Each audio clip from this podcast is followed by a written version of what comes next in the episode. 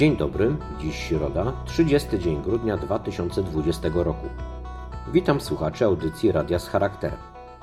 Naszymi gośćmi będą pan Maciej Zaręba-Bielawski, historyk i dziennikarz mieszkający w Szwecji od półwiecza. Wybitny publicysta największego dziennika Dagens Nyheter opowie nam o szwedzkich realiach w czasie pandemii.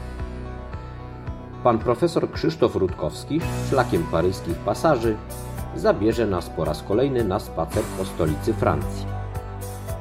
Pan Łukasz Zwoliński przedstawi felieton zatytułowany Uporczywie pogodne myśli. On też przeczyta i omówi bajkę filozoficzną. Patrycja Lis, Oliwia Danisz i Igor Ostrowski zaprezentują ciekawostki przyrodnicze.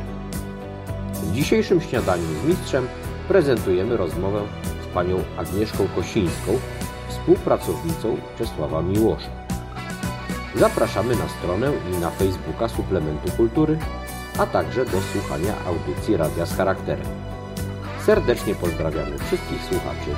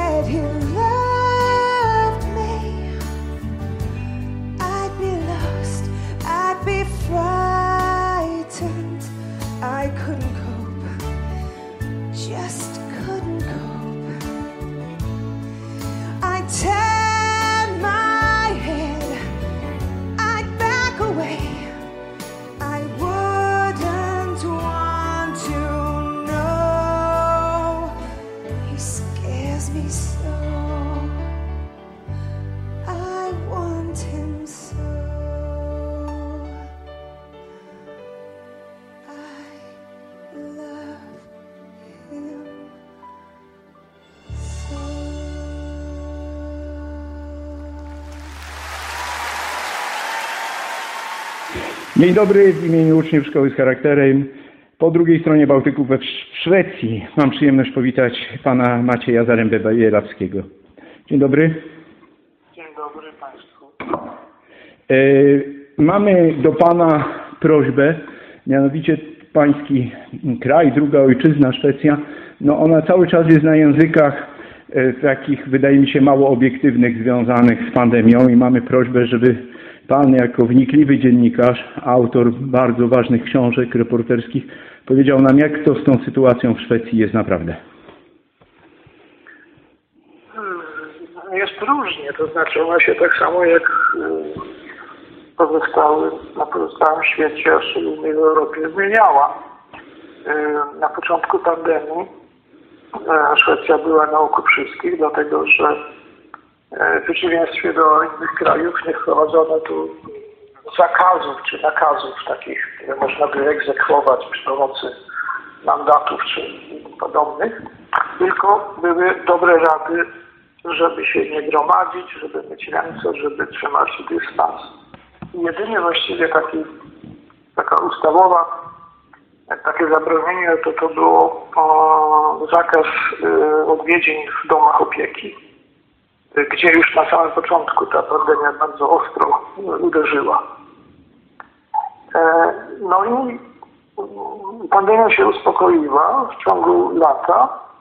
E, być częściowo dlatego, że ludzie słuchali tych zakazów, ale częściowo chyba dlatego, że ten wirus nie lubi e, wysokiej temperatury, a częściowo na pewno dlatego, że ludzie przebywali na świeżym powietrzu, bo teraz się okazuje, że wentylacja jest e, zasadniczym tutaj e, elementem. To znaczy, jeżeli jest kilkadziesiąt osób w dobrze wentylowanym lokalu i trzymają się z daleka od siebie, to w porządku. Jeżeli ta wentylacja, dajmy na to w biurze, źle działa, to mamy zupełnie inną sytuację. No ale Szwecja była wtedy, prawda, takim przykładem dla niektórych odstra, odstraszającym, dla innych zachęcającym takiego liberalnego podejścia, prawda, że liczymy na to, że, że obywatele sami będą przestrzegać tych e, dobrych rad i nie musimy tutaj wprowadzać jakichś, jakichś drastycznych zakazów i nakazów. E, no i okazało się teraz, że mimo to uderzyła w nas druga fala i znowu e, domy opieki więc y, od kilku tygodni mamy y, jak na Szwecję dosyć rygorystyczne przepisy, to znaczy nie ma żadnego nakazu noszenia maseczek, oczywiście poza y, szpitalami, bo, ale tam personel potrafi się potrafi obsługiwać. Natomiast jest zakaz y, spożywania posiłku w restauracji więcej niż cztery osoby przy stoliku y, i władze namawiają y, sklepy, żeby zrezygnowały z tych takich poświątecznej wyprzedaży. To z jednej strony, a z drugiej strony ruszyła jednak fala ostrej krytyki wewnętrznej, znaczy szwedzkiej, pod adresem rządu, a to skutkiem e, specjalnej komisji, którą rząd ustanowił jeszcze latem, która dosłownie 10 dni temu opublikowała 250 stron swojej analizy e, sytuacji, e, z której wynika jednoznacznie, że po pierwsze fakt, że tylu ludzi umarło w domach opieki, w pierwszym rzędzie tłumaczy się tym, że Szwecja została od początku bardzo silną dawkę e, tego wirusa, to znaczy w marcu w kwietniu. E, to znaczy bardzo wiele ludzi było zarażonych, prawdopodobnie o wiele więcej niż, niż w Polsce, raczej podobnie jak we Francji czy we Włoszech. A druga, o, o wiele bardziej drastyczna konkluzja, to, że e, w tych domach opieki właściwie mało co zadziałało tak jak trzeba. Persone nie był wykształcony, Persone był na, na takich e, śmieciowych prawie że e, umowach, to znaczy ciągle się wymieniał, ludzie przychodzili do pracy nawet kiedy mieli, mieli katar. E, do tego jeszcze pacjentów, którzy powinni byli, którzy się rozchorowali, powinni byli wysłać do szpitala, trzymano dalej w tych domach opieki i tak dalej. Więc mamy teraz e, okres, powiedzmy sobie, rozrachunków i pokuty, e, ale jak na razie chyba najmniej rygorystyczne zakazy i nakazy w, w Europie.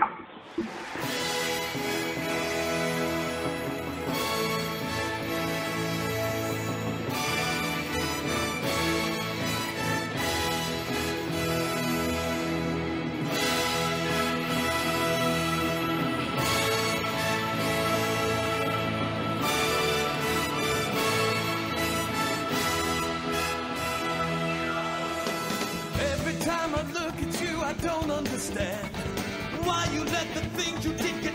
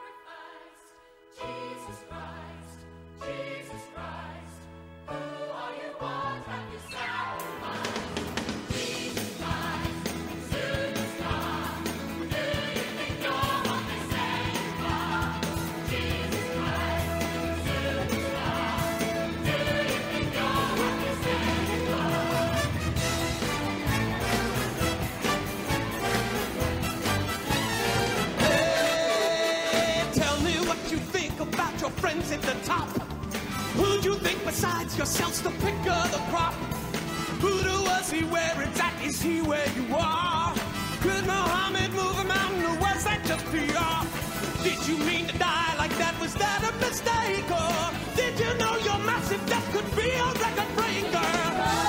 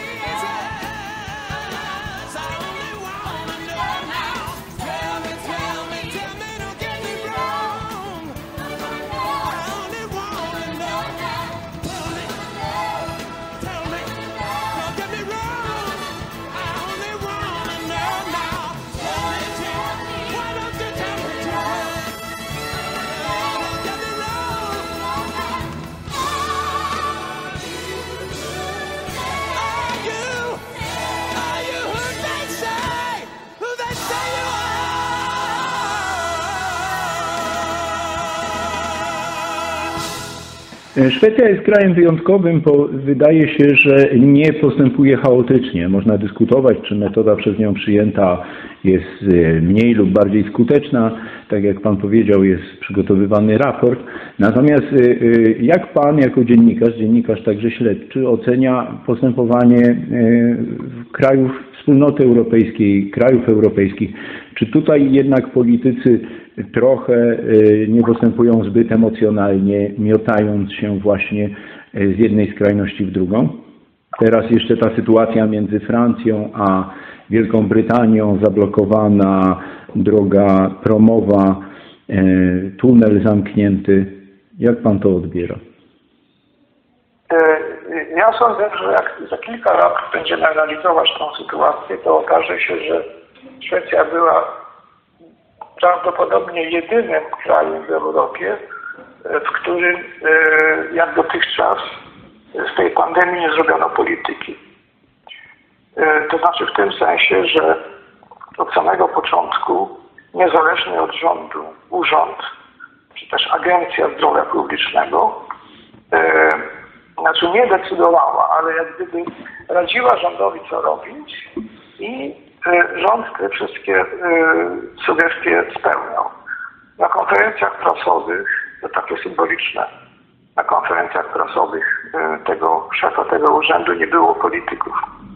Teraz się zaczynają pokazywać, ale ich nie było. Także i to, i to moim zdaniem też zdecydowało o tym, że właściwie nie mieliśmy żadnej szarpaniny. Te same zasady i przepisy obowiązywały powiedzmy sobie od, od końca marca e, do gdzieś tam końca września. Potem zaostrzono w sensie, że ilość e, nasze zebrania z z 300 do 500, do 50 osób i tak dalej. Ale do dzisiaj to pozostaje wielką zaletą tego systemu, dlatego że moim zdaniem e, no jeżeli weźmy Polskę na przykład, to, e, to politycy czy rząd robił mnóstwo rzeczy na pokaz i kompletnie bez sensu. E, Co miało tą ogro- ogrom, ogromną wadę, że zaufanie społeczeństwa do władz jeszcze bardziej spadło. Także kiedy naprawdę przyjdzie y, ostra sytuacja, trzeba będzie coś nakazać czy zakazać, to prawdopodobnie ludzie nie posłuchają. W Szwecji nie ma żadnych demonstracji antyrządowych w, w, kon- w kontekście tego wirusa. A to właściwie w całej Europie są, prawda? Także to jest konsekwencja i opieranie się na nauce i ten fakt, że politycy trzymali się y, na uboczu. To, to, to nawet Szwecję odróżnia od Norwegii i, Danii, gdzie przykładowo ich Agencja Zdrowia Publicznego nie doradzała zamykania szkół podstawowych, a pani premier yy, bodajże N- Norwegii takie zamknęła, jeszcze do tego wprowadzając opinię w błąd, twierdząc, że takie dostała rady od lekarzy.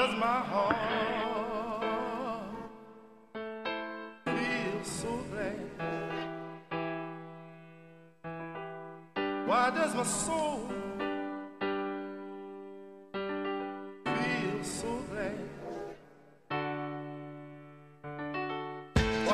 my heart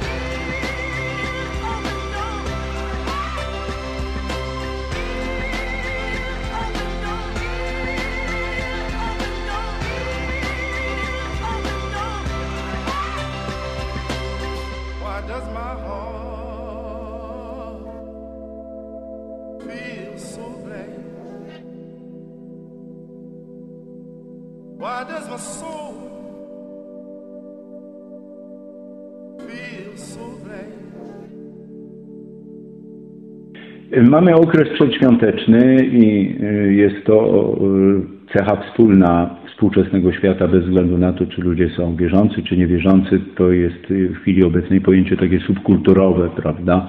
Okres Bożego Narodzenia związane z handlem, z zakupami. Jak Sztokholm, w którym Pan teraz przebywa i mieszka, jak on wygląda w tym okresie przedświątecznym?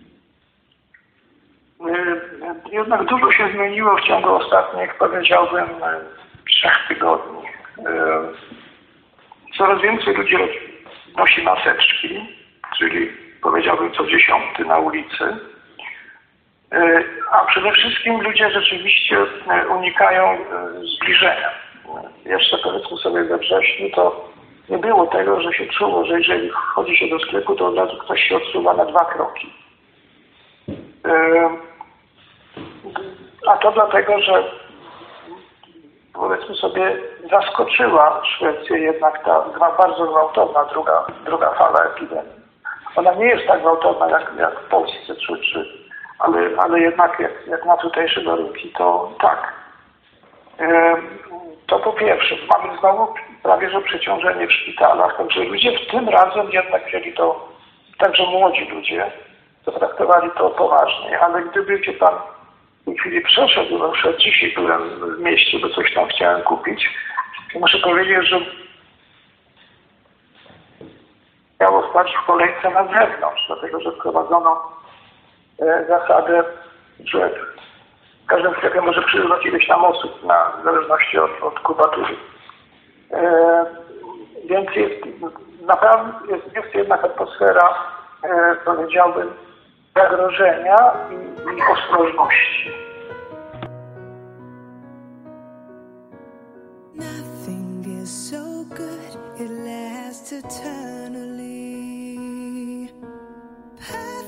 Situations must go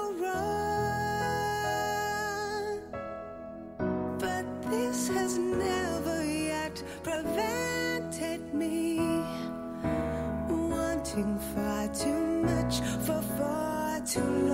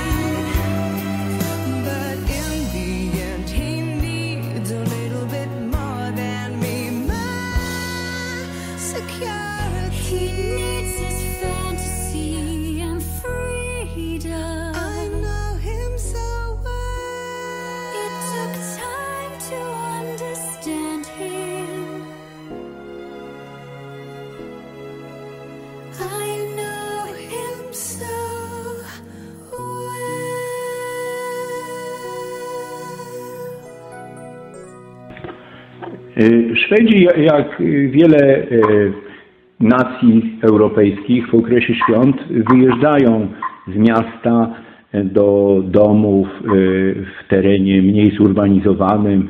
Y, W Szwecji jest też zwyczaj wyjeżdżania na północ. Nie wiem, jak jest z ośrodkami narciarskimi, jaka jest skala e, tych wyjazdów, e, choćby mieszkańców Sztokholmu poza miasto. Czy z racji właśnie, tak jak Pan powiedział, na to trzymanie dystansu ludzie bardziej są e, skłonni wyjeżdżać e, na ten okres świąteczno-noworoczny poza miasto i jak e, ewentualnie uprawianie sportów zimowych, czy to narciarstwa biegowego, czy to narciarstwa alpejskiego. Tutaj mamy y, drugi kryzys, czyli kryzys klimatyczny. Właściwie nie ma śniegu.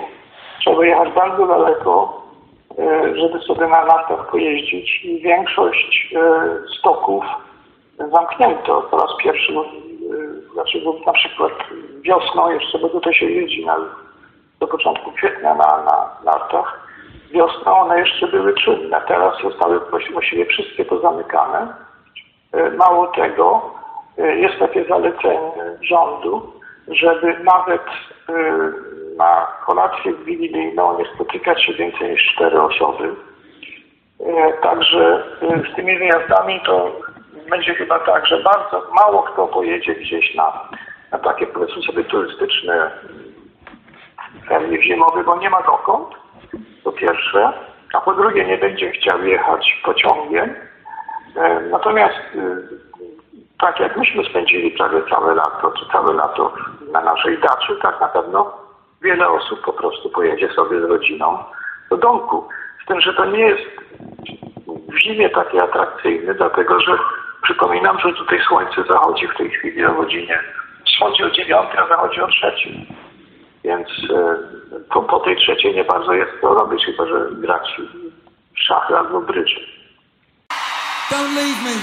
This is Angels.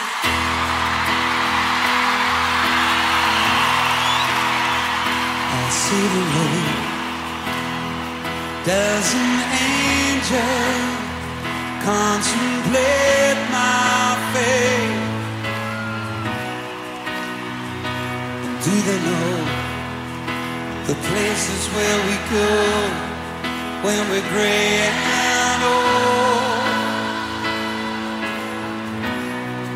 Cause I've been told that salvation lets their wings unfold. So when I'm lying in my bed, thoughts running through my head, and I feel that love is dead, I'm loving angels instead and through it all,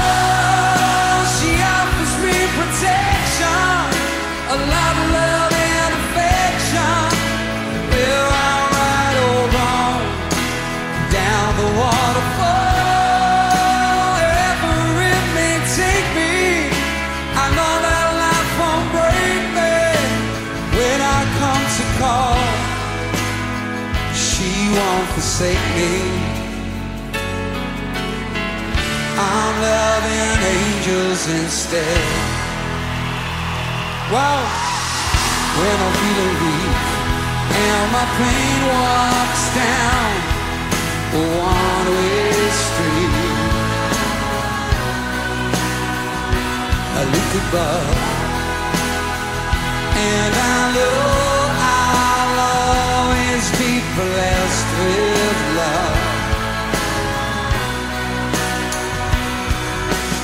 as the feeling grows, she breathes flesh to my bones.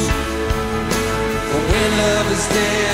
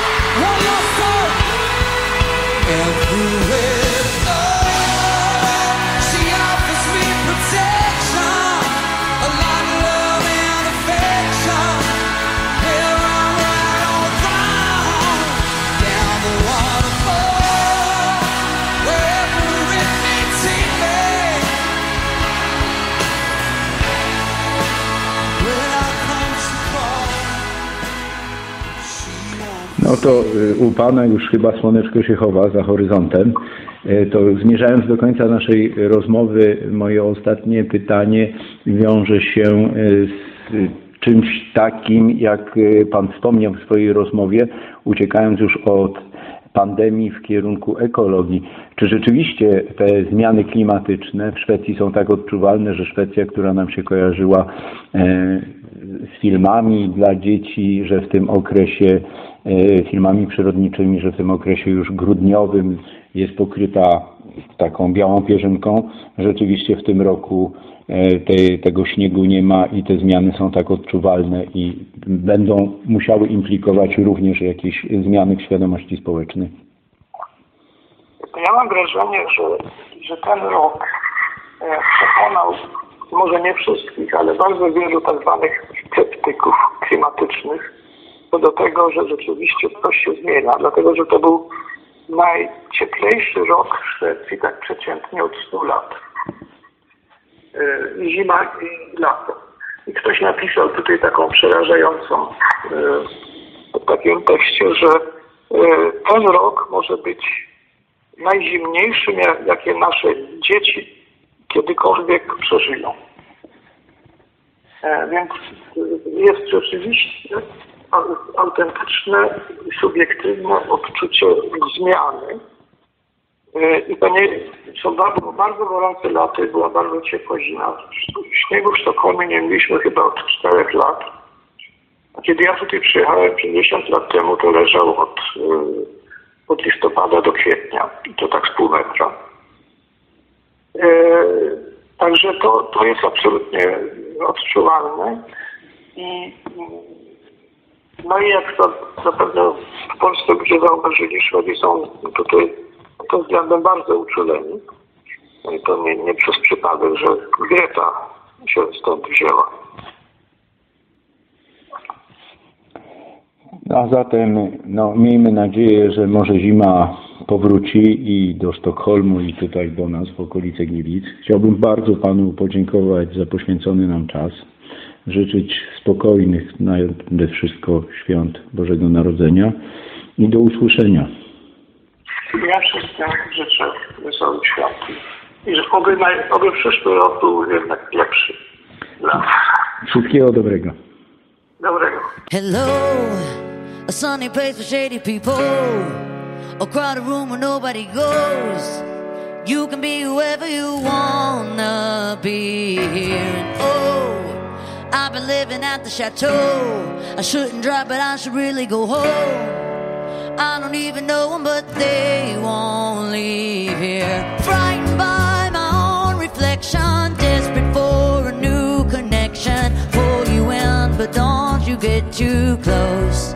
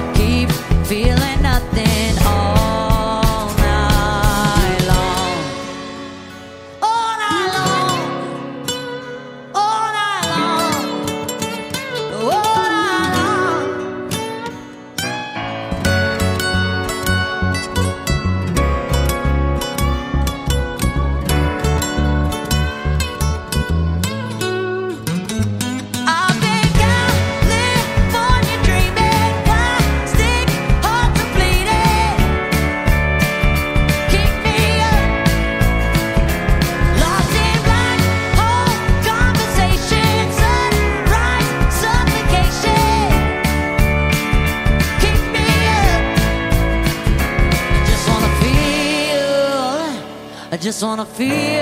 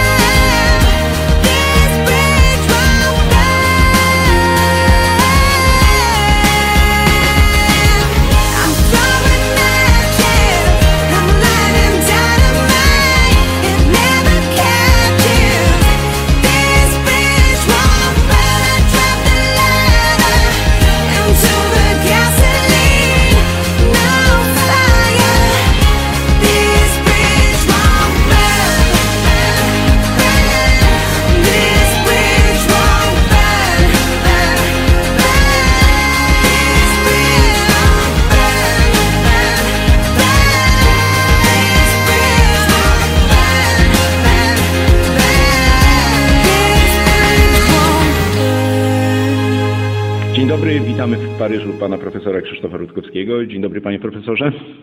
Dzień dobry.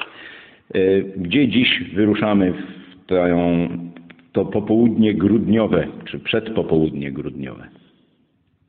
No, Będziemy się włóczyć po różnych punktach miasta, a to z powodu y, bardzo prostego, mianowicie z powodu pieniędzy. Bo chciałbym dzisiaj y, y, powiedzieć o tym, jak, jak, jak Adam Mickiewicz, zawahałem się właśnie, które nazwisko najpierw wymienić, czy Adama Mickiewicza, czy Juliusza Słowackiego, ponieważ y, y, wiadomo od dawna przecież, że Juliusz Słowacki miał głowę również do pieniędzy. Znaczy dokonywał różnych operacji finansowych z, du- dużymi, z dużym powodzeniem. Pieniądze otrzymywał oczywiście głównie od mamusi, ale nie tylko. Potrafił y, obracać y, y, swoje y, pieniądze y, na giełdzie, kupować akcje, sprzedawać akcje, kupować obligacje, sprzedawać obligacje. I to było mniej więcej wiadomo, ale też nie do końca i za chwilę do tego wrócę. Ale mniej było, y, wiadomo było, że Adam Mickiewicz też miał głowę do interesu. Wydawać by się mogło, że y, poeta, który jest y, y, pogrążony w chmurach, y, głowę trzyma wysoko w chmurach, a nie troszczy się o, o sprawy finansowe. Wiadomo, że bieda y, była ogromnie dokuczliwa i że nieraz naprawdę y, Mickiewicz i Celina Mickiewiczowa i cała rodzina znajdowali się na pograniczu nędzy, że pieniędzy nigdy nie, nie starczało. Nigdy to nie jest dobre słowo. Czasami starczało, a czasami nie starczało.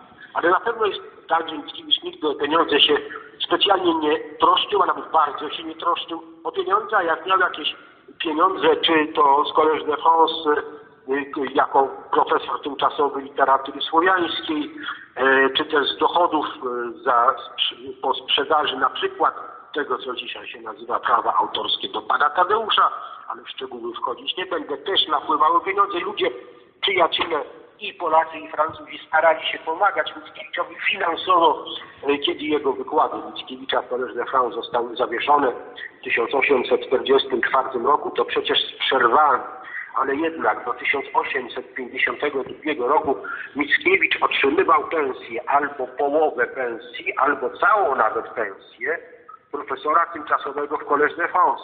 Ale na tak liczną rodzinę to nie starczało oczywiście, a jeśli Mickiewicz miał jakieś pieniądze, to je rozdawał. Rozdawał tym, którzy jeszcze bardziej od niego potrzebowali pieniędzy, a trudno sobie wyobrazić e, czasami większą biedę niż ta, która dotykała Mickiewicza i jego rodziny. Ale nie o biedzie Mickiewicza chciałbym mówić, tylko o jego obrotności finansowej. I teraz, e, jeżeli się lepiej przyjrzeć, to można zauważyć rzeczy niesłychanie ciekawe. Mianowicie Mickiewicz znakomicie potrafił obracać pieniędzmi na giełdzie paryskiej i akcjami sprzedawać i kupować Adam Mickiewicz. I to kiedy? W momencie szczególnym, szczególnego pierwszej fazy towianizmu, wtedy kiedy e, Towiański zachwycił Mickiewicza całkowicie, kiedy Mickiewicz był w siódmym niebie, słowniczku mój i był zachwycony i w, stanie kompletnego upojenia, e, powiedzmy dla uproszczenia mistycznego. I w tym samym okresie, w tym samym okresie, e, czyli w roku 1841, a potem na początku roku 1842, kiedy zakładał koło sprawy Bożej, kiedy naprawdę był w siódmym niebie mistycznym, tak. Jednocześnie Mickiewicz e, e, grał na giełdzie akcjami, obligacjami swojego wielkiego przyjaciela i też Towiańczyka, Aleksandra Choćki. Aleksandra Choćki, który był przez długi czas drogmanem, drogmanem, czyli tłumaczem y, z perskiego na dworze carskim i ambasadorem carskim w perskim, y, który potem y, przeszedł na towianizm y, i został bardzo oddanym Towiańczykiem, wielkim przyjacielem Mickiewicza. Otóż y, y, Aleksander Choćko w 1842 przebywał jeszcze w Londynie i y, przesyłał Mickiewiczowi zadania finansowe do wykonania i Mickiewicz wykonywał te zadania na paryskiej giełdzie znakomicie.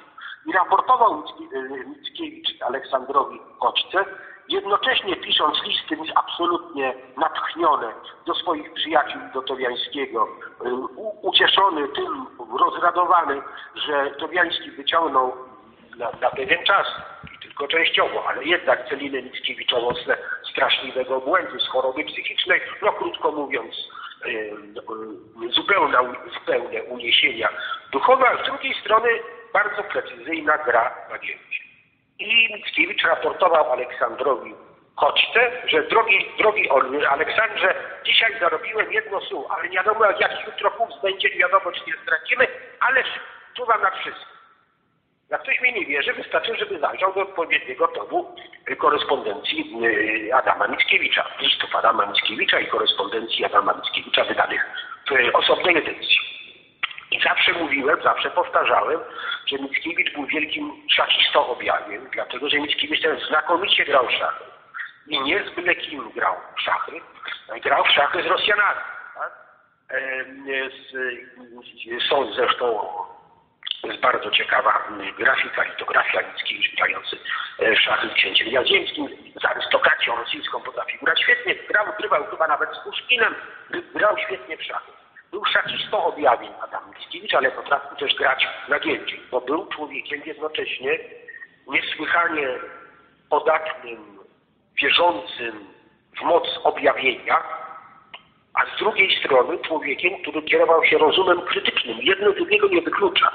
Trzeba pamiętać, że najwięksi fizycy jądrowi, astronomowie, matematycy, e, odkrywcy e, tajemnic czasoprzestrzeni, tajemnic atomu, kończyli najczęściej jako mistycy, ponieważ przed Panem Bogiem uciec nie może. To Adam Mickiewicz. Takie historie związane z jego myśleniem o finansach. I to było od początku jego, od młodości aż do ostatnich chwil. Mickiewicz myślał jak szachista, Mickiewicz myślał jak matematyk. Potrafił równie dobrze przyjmować objawienia, jak i obligacje od Aleksandra Choćki, Choćki którymi zawiadywał. A Słowacki. Słowacki y, y, jak, jak, mówiłem, grał na giełdzie, inwestował w obligacje, inwestował w akcje i ostatnio tłumaczyłem na nowo francuskie listy Juliusza Słowackiego do nowej edycji dzieł zebranych Juliusza Słowackiego, która zacznie wychodzić lada chwila. Y, I y, tam jest między innymi bardzo interesujący list do jego przyjaciela, do jego y, tak rzec e, radcy prawnego, Francuza, którego, z którym Słowacki się przyjaźnił najwyraźniej i to bardzo blisko. Mianowicie e, Słowacki był za granicą, prze- przebywał we Frankfurcie, pisał do swojego Paryża, do swojego przyjaciela adwokata, że jego e, e, depozytariusz akcji, czyli ktoś, kto zajmował się akcjami w Paryżu i na ręce którego Słowacki złożył wszystkie obligacje, wszystkie akcje, żeby się nimi zajmował, umarł. W związku z tym on prosi teraz swojego przyjaciela, Słowacki, żeby ten jego przyjaciel po śmierci owego depozytariusza zajął się obligacjami i akcjami Słowackiego. I te listy są niesłychanie ciekawe i precyzyjne, bo na przykład Słowacki wylicza tak, że te 30 akcji kolei żelaznych wiąńskich to zostaw i nie sprzedawaj, bo one są na moje nazwisko. Ale inne obligacje, które nie są na moje nazwisko, tylko na okaziciela, to szybko leć do, do domu nieboszczyka i sprawdź, czy on wystawił ten nieboszczyk testament, bo jeśli akcje są na okaziciela, to on już mógł sprzedać. Więc jeśli nie sprzedał, to weź się natychmiast i obróć się i sprzedaj i tak dalej. Bardzo precyzyjne dyspozycje, mniej więcej tak, jakby jakiś drobny bankier albo duży bankier zajmował się swoimi interesami. Więc y, i to wszystko jest też w okresie, kiedy to jest rok, no, na rok przed śmiercią, czy dwa lata przed śmiercią y, Słowackiego, a więc jednocześnie największe, y, najbardziej natchnione dramaty mistyczne i tragedie napisane. Król duch cały czas w głowie pracuje. Y, najrozmaitsze pomysły dotyczące wędrówki wszechświatów i kosmosu w głowie, a z drugiej strony myślenie o tym, żeby żadna akcja nie przepadła, a broń Boże te na okaziciela, bo jak te sprzedane, to przepadną i cały mój majątek diabli wezmą. E, Więc e, myślenie z jednej strony precyzyjne nie wyklucza myślenia o rzeczach najwznioślejszych, pozornie tylko oderwanych od ziemi. No, zasłuchałem się w tą partię szachów. paryskich związanych z obrotnością naszych twórców romantycznych. Przewodnikiem po tych niezwykłych opowieściach był profesor Krzysztof Rutkowski. Dziękujemy bardzo. Dziękuję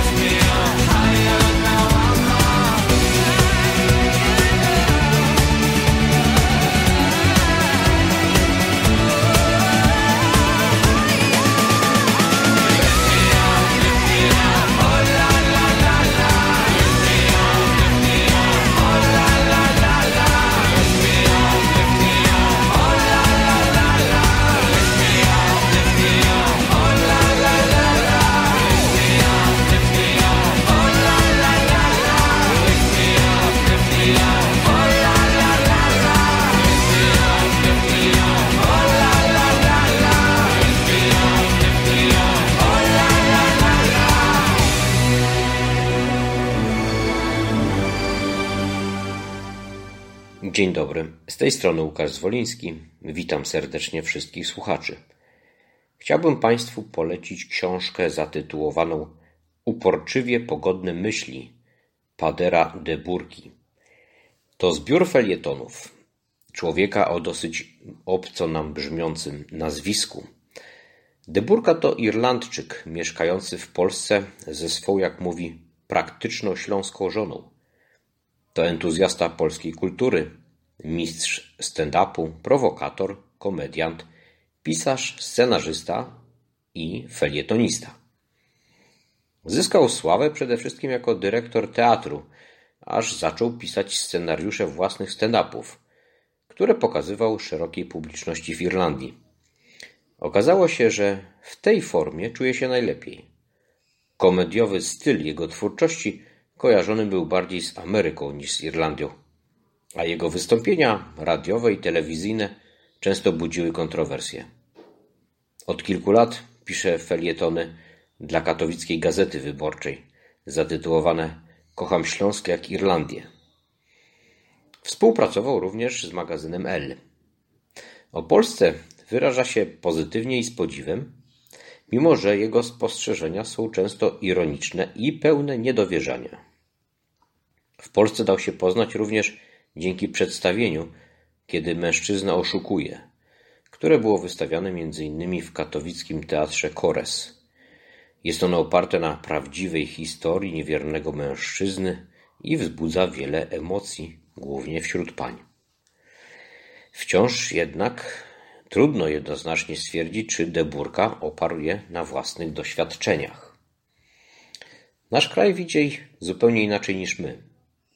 Jest to spojrzenie na Polskę i Polaków z zewnątrz, ironiczne, ale pełne podziwu. Choć czasem przerysowane, sięga do istoty naszej wyjątkowości. Na pytanie, co mu się w Polsce podoba, odpowiada: Ludzie. Czym byłby kraj bez ludzi i ich zalet? Skromności, bystrej inteligencji, niezrównanej skłonności do innowacji, a także niespożytej potrzeby dokonywania odkryć. Pasjonują mnie osobliwi przyjaciele, których zgromadziłem. Życie u was jest piękne. Mówiąc krótko, działam dobrze na wasze samopoczucie.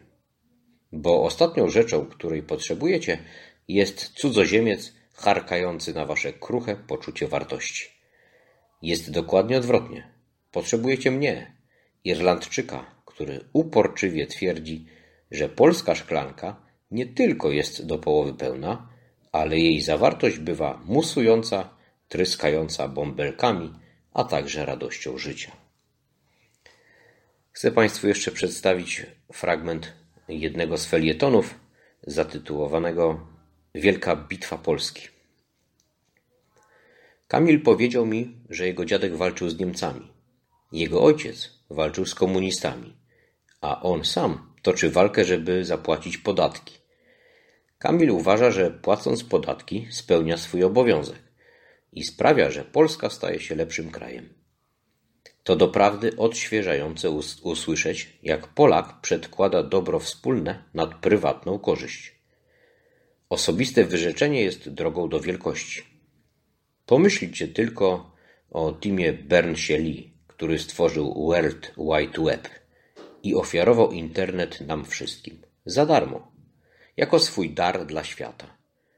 Pomyślcie o major Vanessie Lloyd Davis, lekarce wojskowej w Sarajewie, która nie zgodziła się wyjechać z miasta, gdy wycofały się siły ONZ.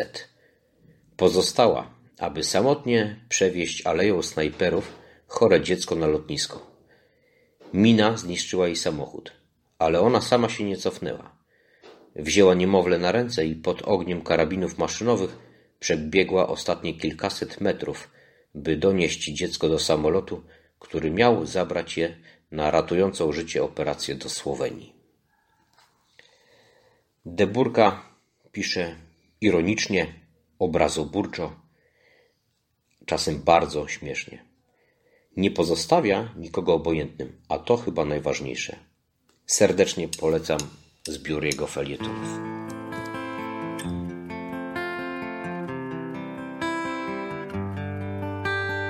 Odi, odi, odi, odi, odi, odi, odi, odi, odi, odi, odi, odi, odi, odi, odi, Happy Hour, mitten in der Nacht, sexy, alles tanzt, alles lacht, 40 Grad am Dancefloor, Hula Baloo, sagst du in mein Ohr. Was ist denn Hula Baloo, was gehört denn da dazu? Macht man beim Hula Baloo vielleicht die Augen zu? Kann man beim Hula Baloo die Sterne sehen? Sag mir, wie soll das gehen? Hodi, hodi, hodi, hodi. Hodi, hodi, hodi, hodi,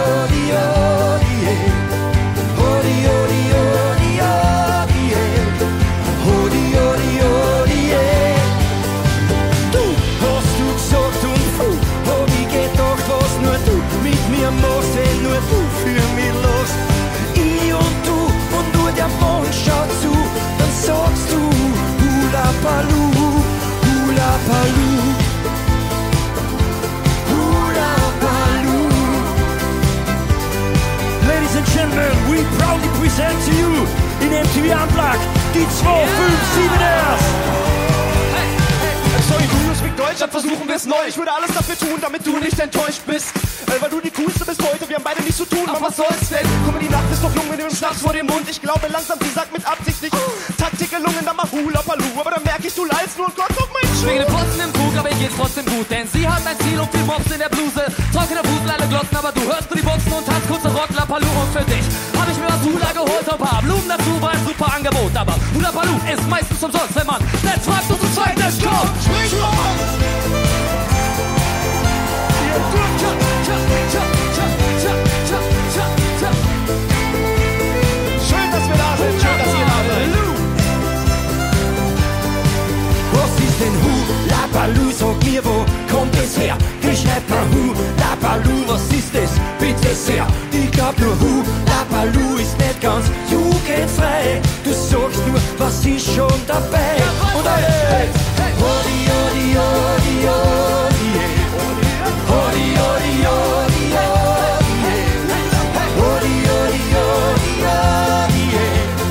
odi, odi, odi, Hast du irgendwas verstanden? Ich meine, in Österreich, ne? Wir müssen einfach grinsen und weitermachen. Sei freundlich einfach. Hast du gesagt und puh, hab ich gedacht, was nur du mit mir machst, wenn nur du für mich lachst. Ich und du und nur der Mond schaut zu, dann sagst du Hula Baloo. Du hast du gesagt und puh, hab ich gedacht, was nur du mit mir machst, wenn nur du für mich lachst. Ich und du und nur der Mond schaut zu, dann sagst du Hula Hey, hey, hey.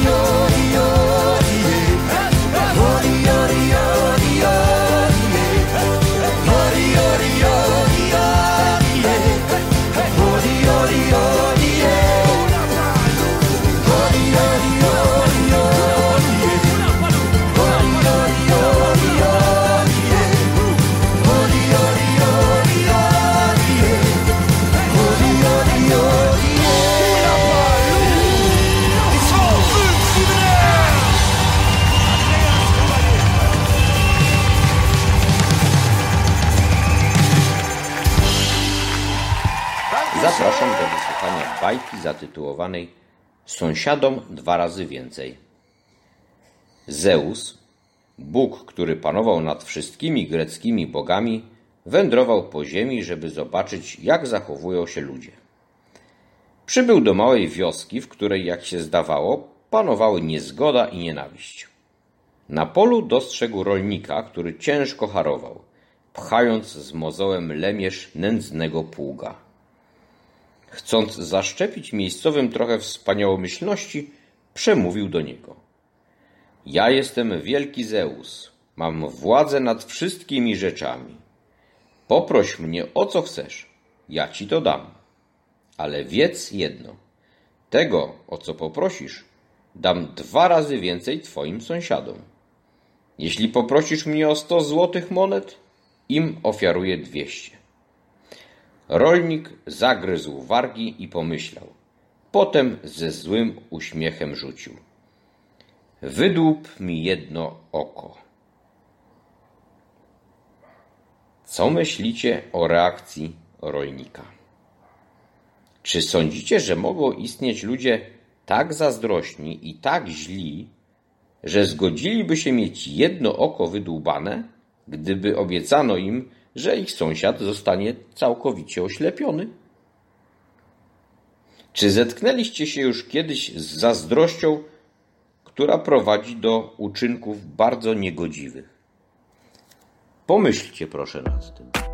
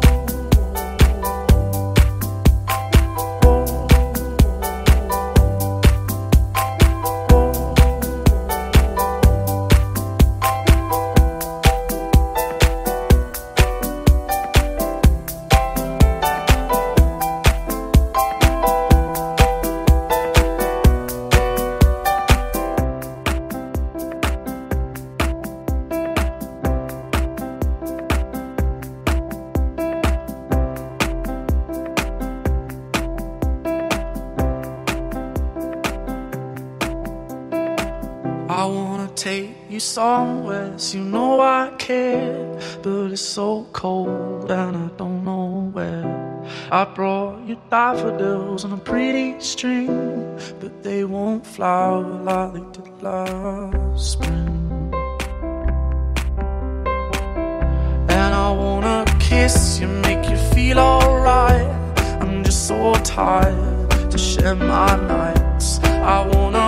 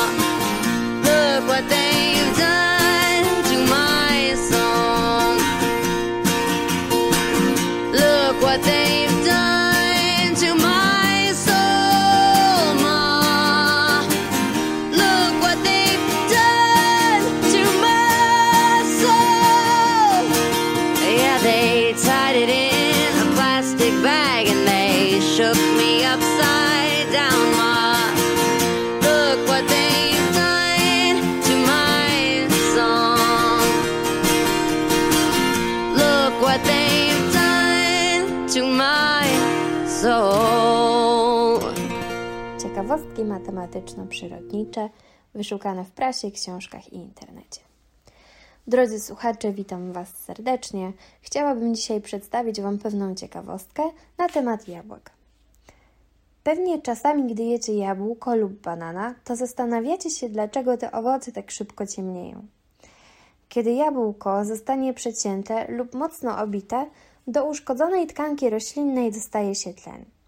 Proces ciemnienia to tak naprawdę nic innego jak reakcja chemiczna, która zachodzi w niektórych owocach pod wpływem oksydazy polifenolowej. Zachodzi ona nie tylko w jabłkach, ale również morelach, gruszkach, bananach, winogronach, jak i ziemniakach. Ciemnienie jabłek to, uwierzcie mi, nie jest nic strasznego. Natomiast chyba wszyscy zgodzimy się, że pokrojone owoce zdecydowanie lepiej wyglądają na stole, gdy są świeżo pokrojone i nie nabrały jeszcze charakterystycznego brązowego nalotu. Myślę, że tutaj znajdzie się pocieszenie na koniec, ponieważ istnieje sposób, by powstrzymać ten brzydki brązowy nalot. Wystarczy skropić świeżo przekrojony owoc sokiem z cytryny, pomarańczy albo kwasem octowym, ponieważ kwasowy odczyn zatrzymuje lub znacznie spowalnia reakcję ciemnienia. Myślę, że to wszystko na dziś. Pozdrawiam Was serdecznie, Oliwia.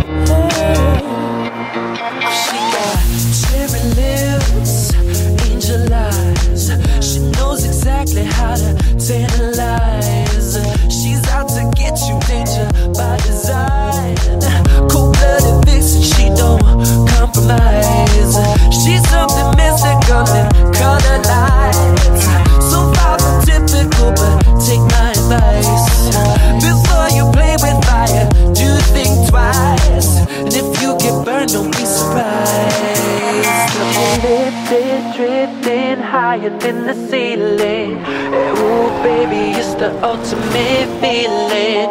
You got me lifted, feeling so gifted. Sugar, how you get so fly? Sugar, how you get so fly? Oh, sugar, how you get so fly? Sugar, sugar,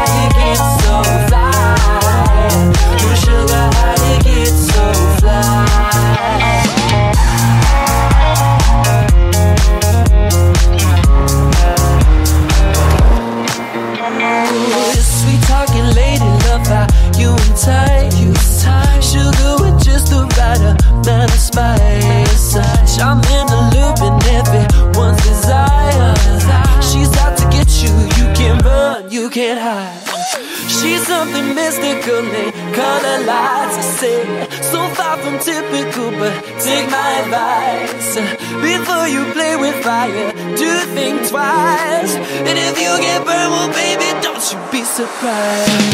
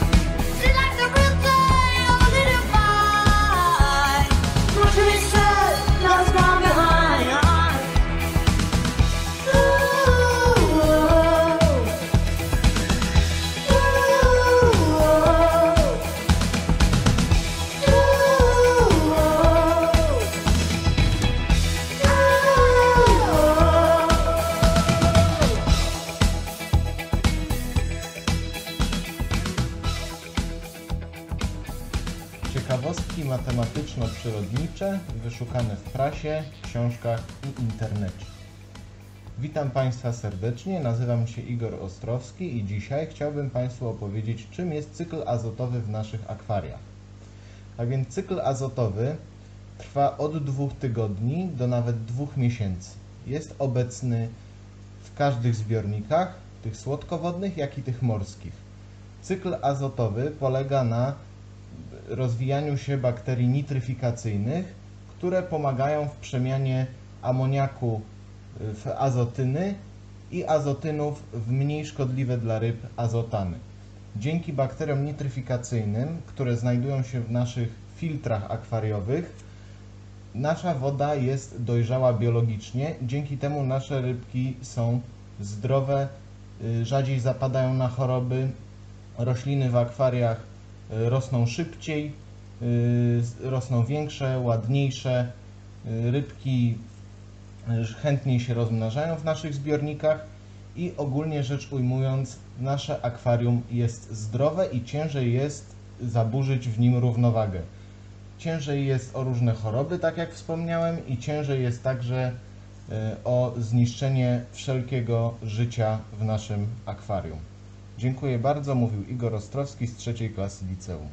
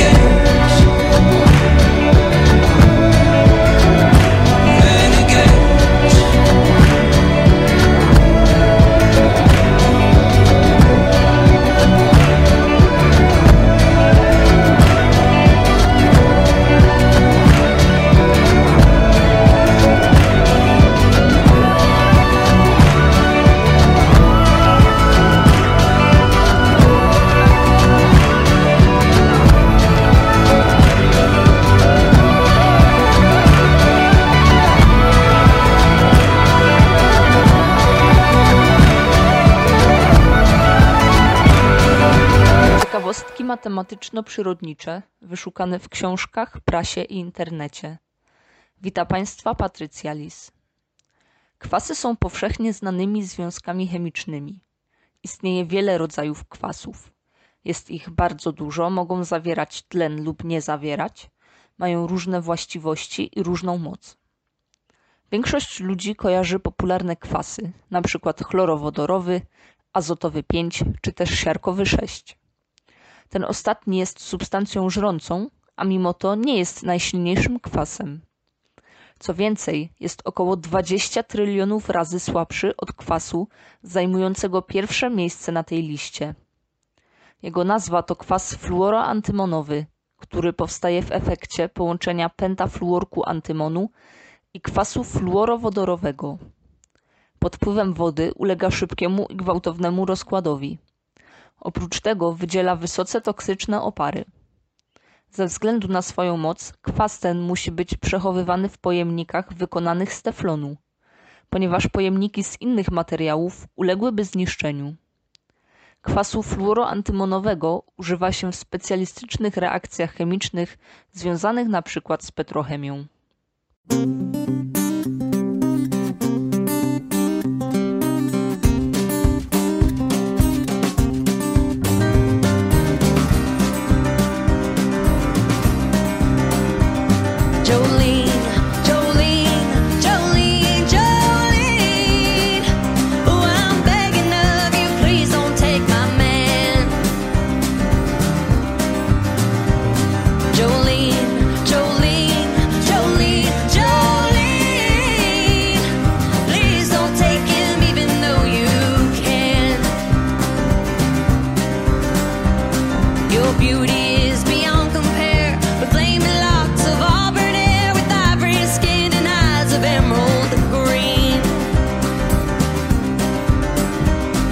Her smile is like, we'll bread this.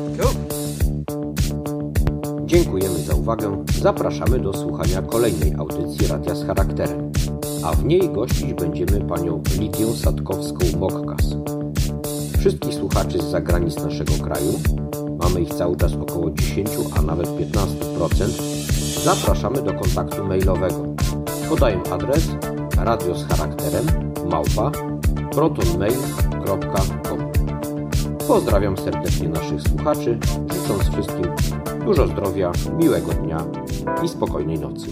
Do usłyszenia. It's been a long night and the mirror's telling me to go But it's been a long time since I felt this good on my own